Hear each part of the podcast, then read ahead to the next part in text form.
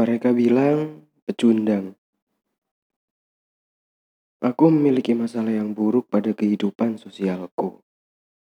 Andai tidak diciptakan sebagai makhluk sosial, mungkin tak hanya aku.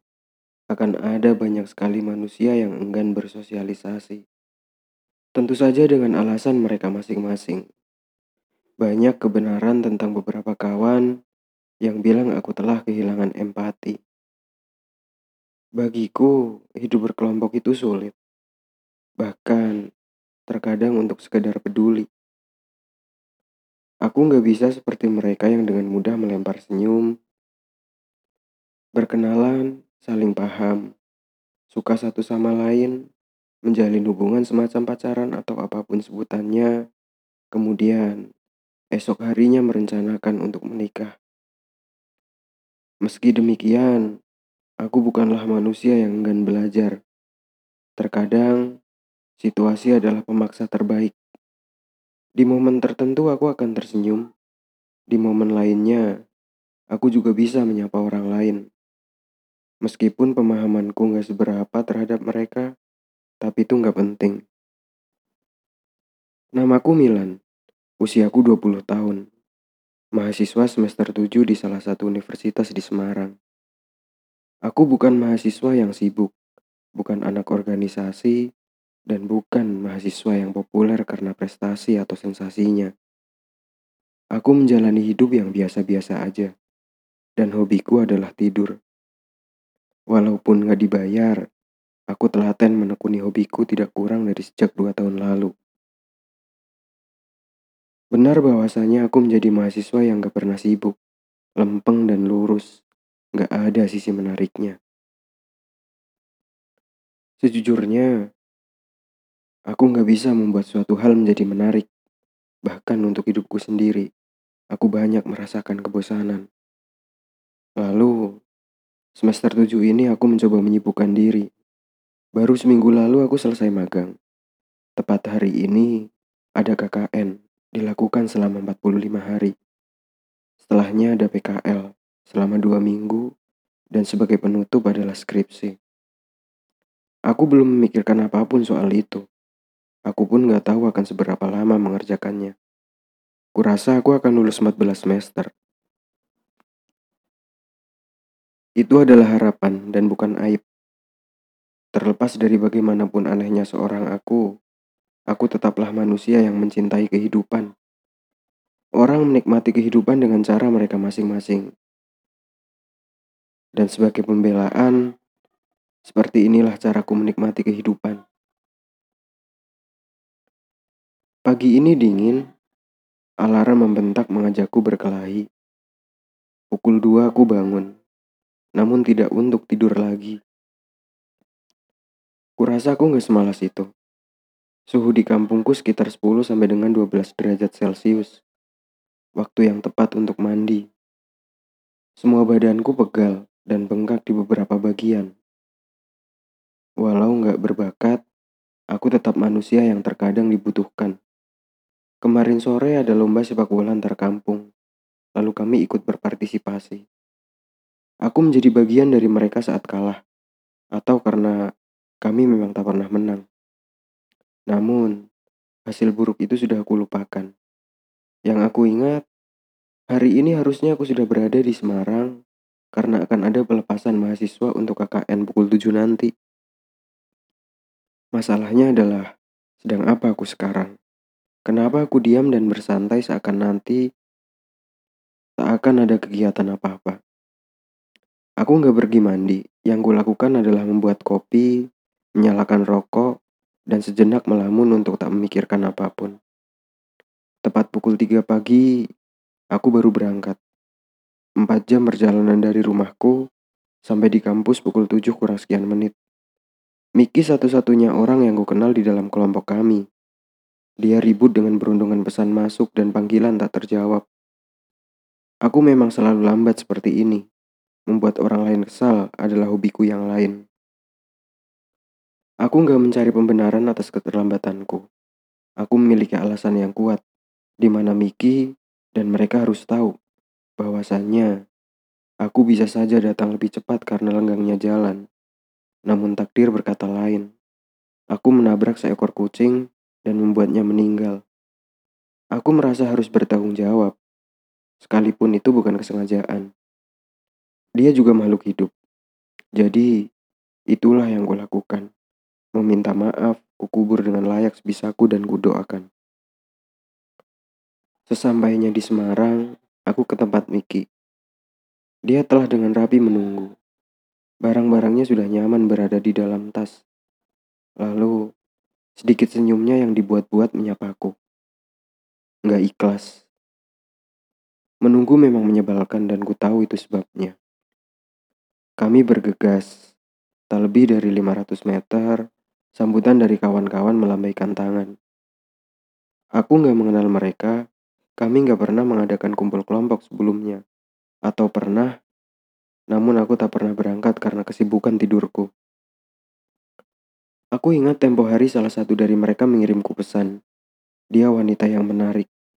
Ku balas pesannya, kemudian esok harinya aku lupa siapa namanya. Atas keterlambatanku, aku memaksa senyum, berusaha sok akrab, dan meminta maaf kepada mereka. Aku sangat berantakan dengan wajah kumuh dan badanku yang bau. Sejujurnya, aku malu. Barang berat kami turunkan didominasi milik Miki, lalu ranselku. Mobil yang disediakan pihak kampus bosan menunggu. Sialnya sudah penuh sesak. Mencari mobil lain yang masih sepi dan barang pun masuk. Anggota kelompok kami berisikan delapan orang, dua pria dan enam perempuan. Kami membawa empat sepeda motor. Aku dengan Miki berboncengan seperti yang sudah direncanakan. Si itu dengan si itu, itu dengan itu, itu dengan itu, dan mas ketua dengan mbak itu. Aku tidak mengenal mereka.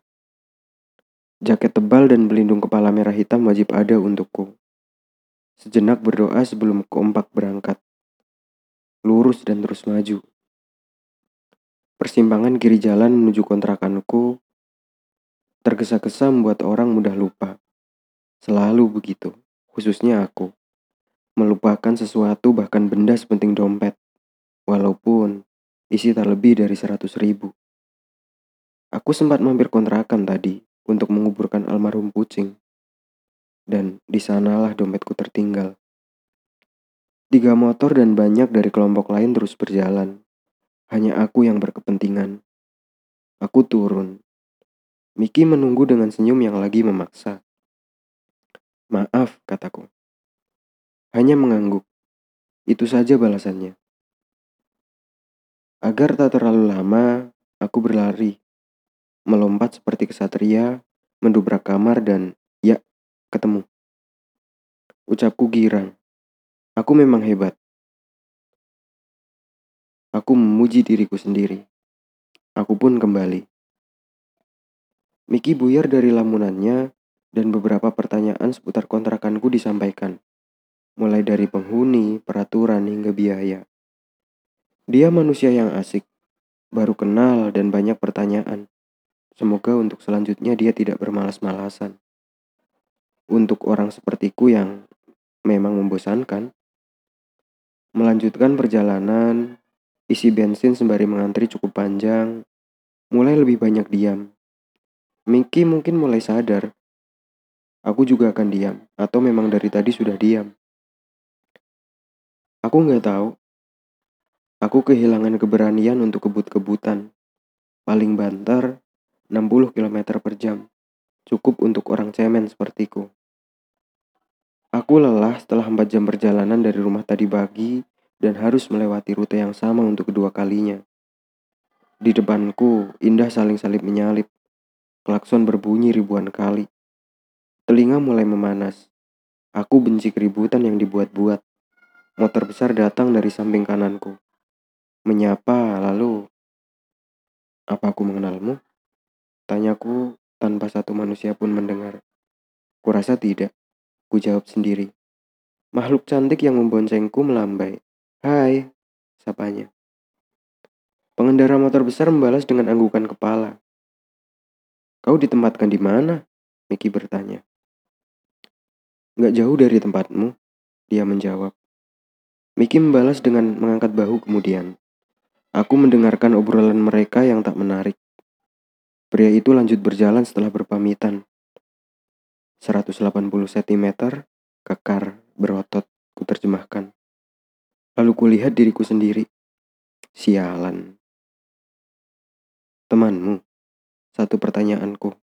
Setelah orang yang kumaksud jauh dari jangkauan. Iya, jawabnya. Aku ikut mengangguk. Sejam setengah kemudian sebelum akhirnya sampai di kecamatan, aku datang paling akhir. Semoga aku tak membuat Miki merasa malu. Beruntungnya, acara memang belum dimulai. Camat yang baik, tahu kapan harus mulai suatu acara. Mungkin menungguku walaupun aku bukan tamu kehormatan. Siapa yang tahu kan? Miki segera berkumpul dengan teman satu kelompok kami. Aku menyendiri di belakang untuk sebatang rokok sampai Pak Camat datang.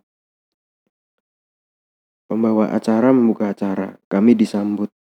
Para pemimpin dari desa yang akan kami para mahasiswa tempati duduk di barisan terdepan sebagai tuan rumah. Dipanggil dan melambaikan tangan satu persatu. Dan yang ke-14 dengan kacamata lucu berwarna biru. Ku bilang, dia terbaik. Aku akan berada di satu wilayah kekuasaannya. Satu orang anggota kelompok kami tak berada di barisan. Aku mencarinya.